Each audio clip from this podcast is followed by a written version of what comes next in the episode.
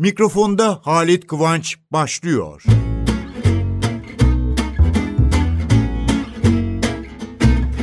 Merhaba dostlar. Efendim ben bazı programlarda kendime ait, başımdan geçmiş bazı ilginç anıları falan anlatıyorum. Ama sonra da yatıp uykumun böyle çok sağlam olmadığı zamanlarda şundan bundan düşünürken yahu ben bu başımdan geçmiş 2-3 şey söyledim. Diyecekler ki dinleyicilerim yani bu bize ne senin o şeyinden. Yani ilk o başımdan geçtikleri için önemli oluyor. Fakat sonra baktım yolda çeviriyorlar. Ya biz onu çok beğendik şu oldu. Gene ne olursunuz onlardan bahsedin öyle bir şeylerden. Aa baktım yani benim hayatımda ilk geçen bazı ilginç olaylar e, dinleyicilerimin de şeyini böyle ilgisini çekiyor. Sonra tabii daha sonra televizyon başlayınca televizyonda görüntüye giriyorsun ama radyo öyle değil. Ama radyoda hani gevezelik etmek lazım. Anlatacaksınız. Görmeyene anlatıyorsunuz ama öyle bir anlatıyorsunuz ki o ondan sonra hani mesela şiirler ben yani şair değilim yani şiirde yazdım ama mesela şiirleri de kullanırdım. Onlardan da zaman zaman söylüyorum zaten. Gene de söylerim önümüzdeki haftalarda. Fakat bu bir olay olmuş filan. Ben ilk gazete okuduğum yıl 1931. Henüz 5 yaşını bitirip 6'ya basarken ama evde 3 yaşından itibaren eve giren gazeteyi abim, iki abim, bir ablam, biri zaten iki abim, iki ablam. Onlar bir tanesi de gelin gitmişti Çanakkale'ye. Onun için onlar ama diğerleri bana söyle şöyle söyledir, bu böyledir falan.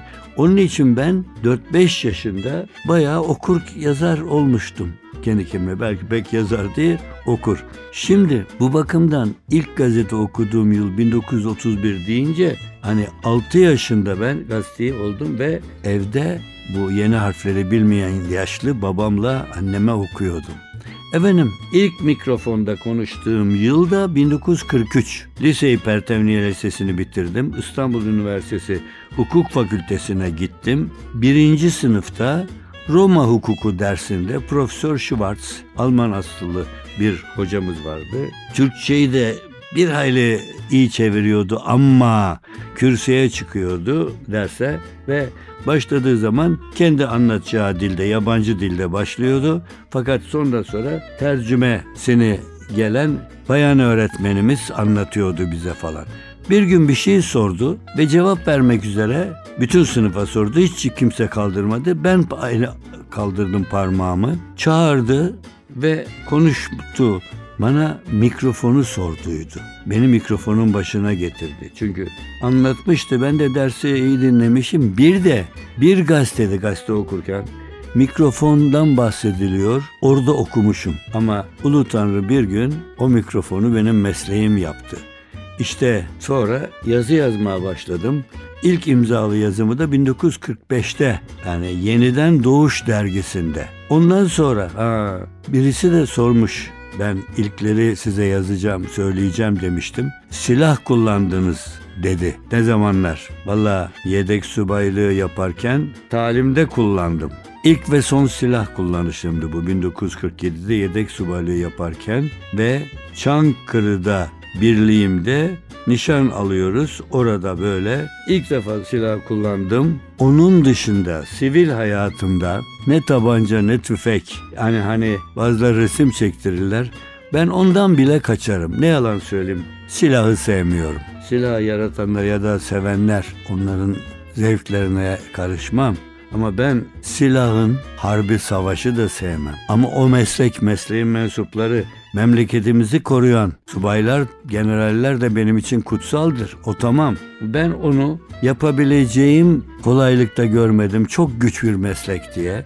Ve de ne bileyim hukuktan hukuk derken bir baktım bir gün gazeteci buldum kendimi. Arkasından aa gazeteci derken bir gün radyo, televizyon çıktı bir gün televizyon hepsini olu verildik ve ben ama ilk hakimliğe tayin edildiğim zaman İstanbul'dan Diyarbakır'a 1950'de uçakla gittim. Beşiri ilçesine çıktım. 13 saat katır sırtında çünkü at gitmiyor duruyor. Eşek o da ayağa kayıyor düşüyor. Fakat katır var ya katır öyle sakin.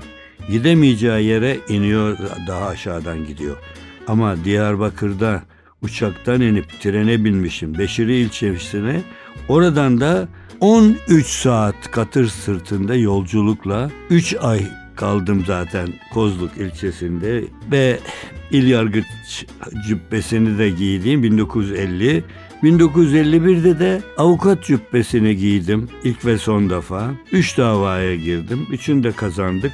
Ancak ben hiç ağzımı açmadım. Çünkü iki davada eş dostum böyle alacak davası falandı. Evden çık, evden çıkma çıkmama davası.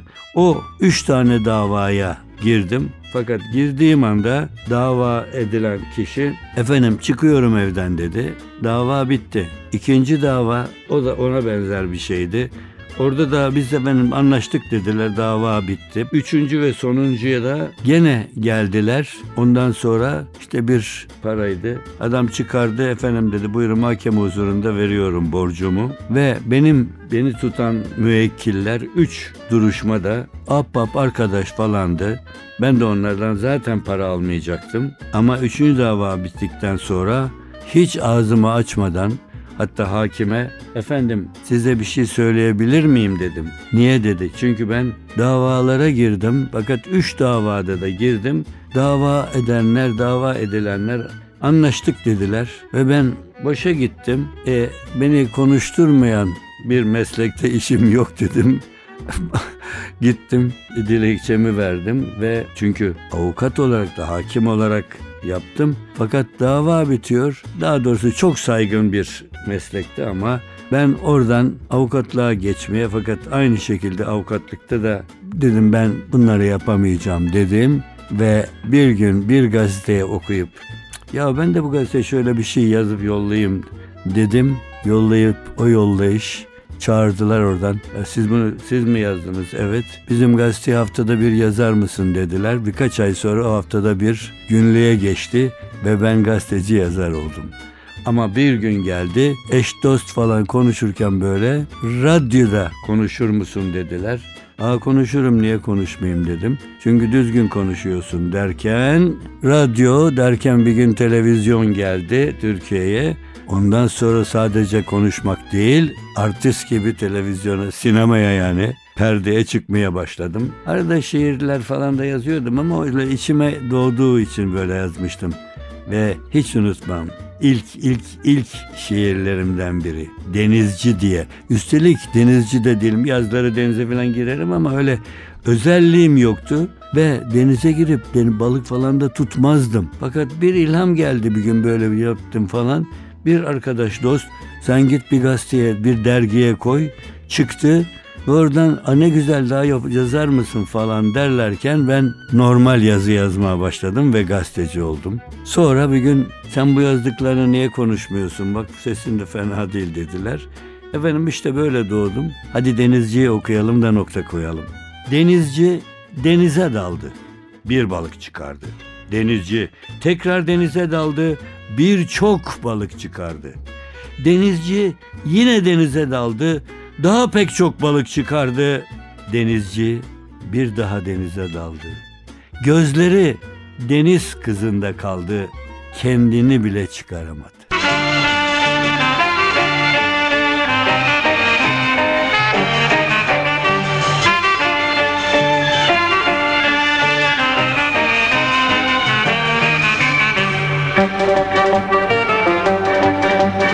Kızılcıklar oldu mu, selelere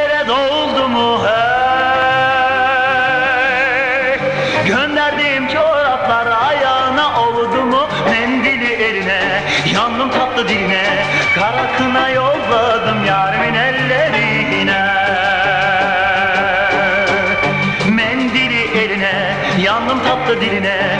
Kara yolladım yarimin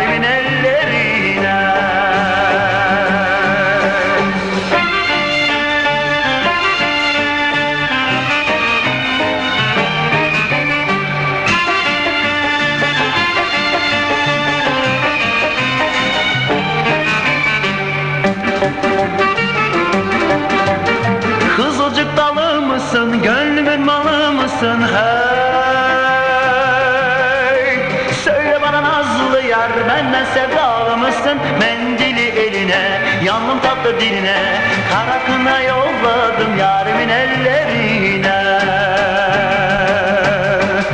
Mendili eline yandım tatlı diline. Kara kına yolladım yarimin ellerine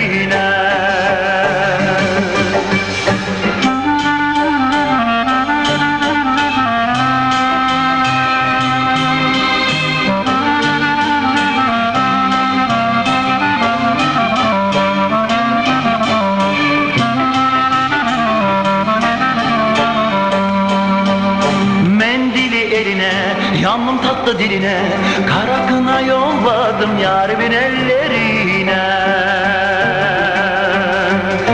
Yemenisi oymalı, şu kıza da varmalı Hey! Kız çok işveli ama sevdiğini ne yapmalı? Mendili eline, yandım tatlı diline Kara kına yolladım yarimin ellerine. Yarim yatsın eline Yarimin ellerine Yarim yatsın eline. Yarimin ellerine.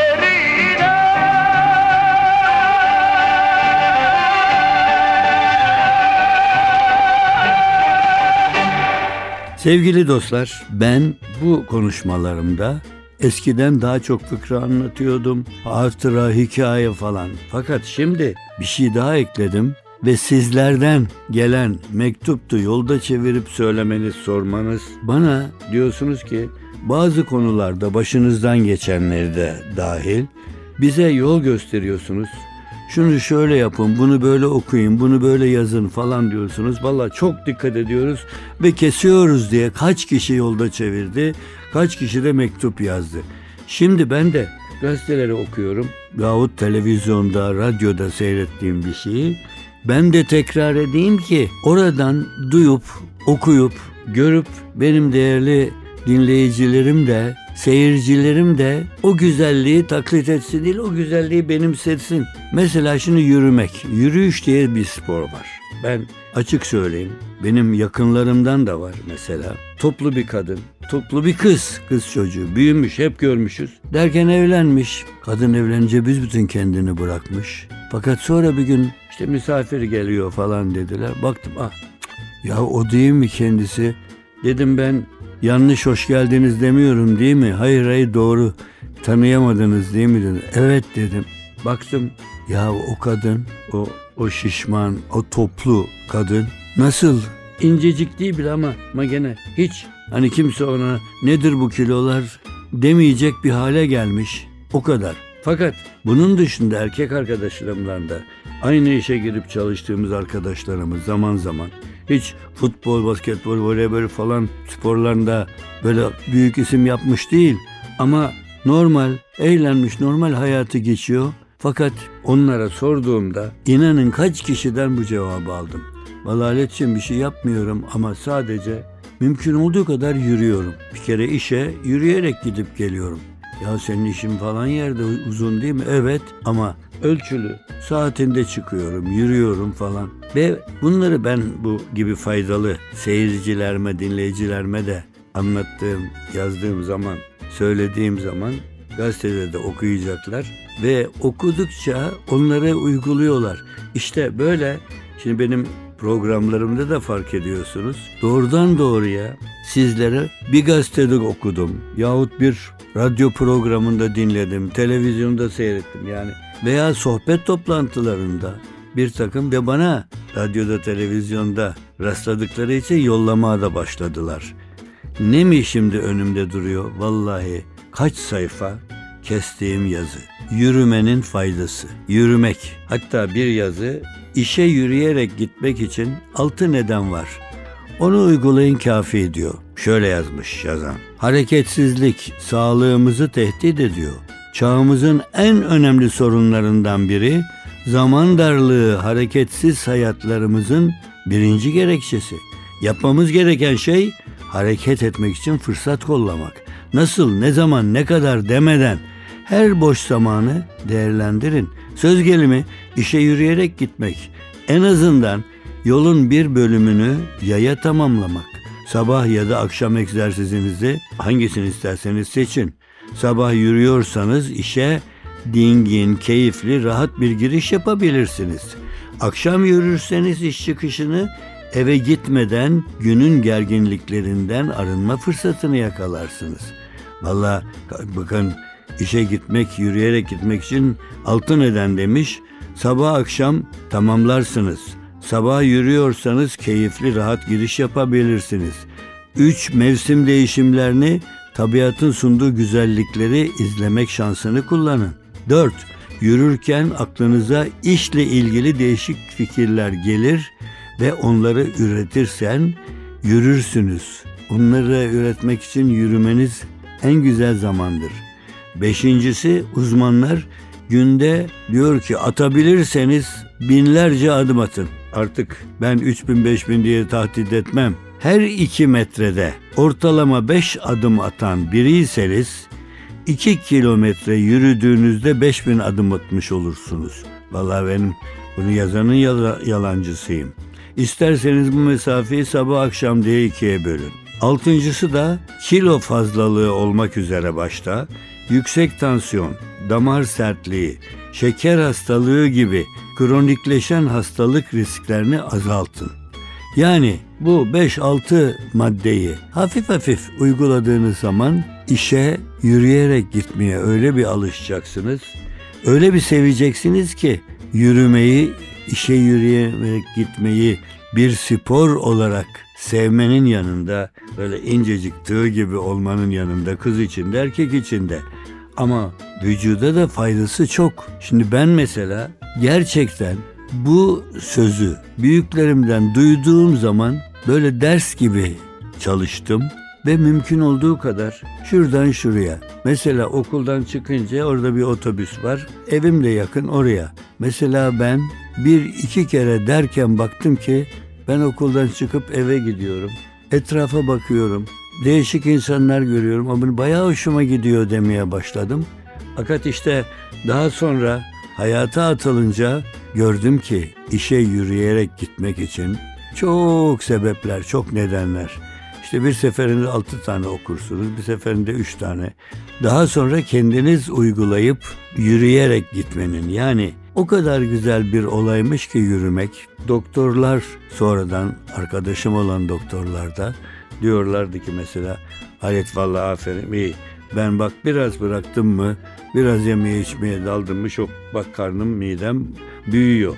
Onun için gençler erkeği kızı ayırmıyorum. Yürüme bölgeniz içindeyse çok yorulmuyorsanız ölçülere de bölebilirsiniz.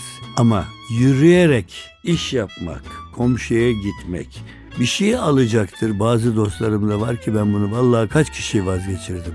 Ya sokağın köşesinde bakkal değil mi? Otomobil taksi çağırıp oraya gidip bir şeyler alıp geldiğini gözümle gördüm. Ya kaç metre diyorum ne kadar tutuyor diyorum.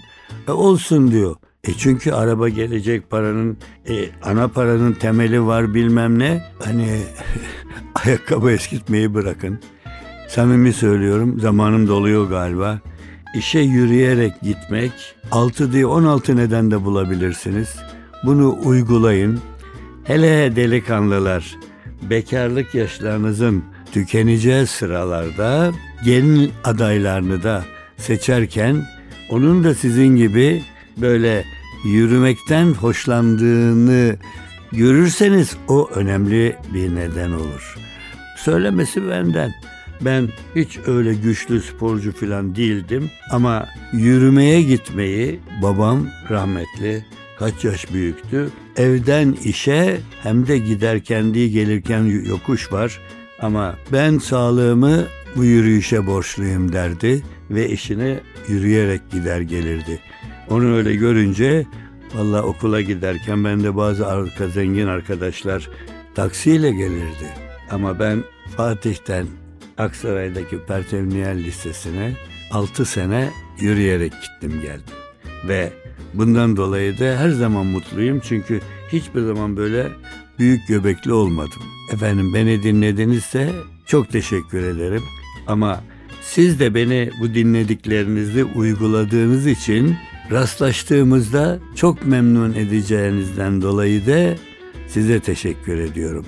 Nokta, hayır virgül. Haftaya yine buluşalım. Hoşçakalın. İnsan sevdiği yaştadır. İnsan sevdiğinin yaşındadır. Benim esas sevgilim mikrofon. Ben hem konuştum hem yazdım.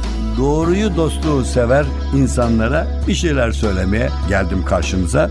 Bu rastlantının güzelliği beni oralara nasıl götürüyor şu anda bilemezsiniz. Mikrofonda Halit Kıvanç, Pazar saat 10.30'da NTV Radyo'da.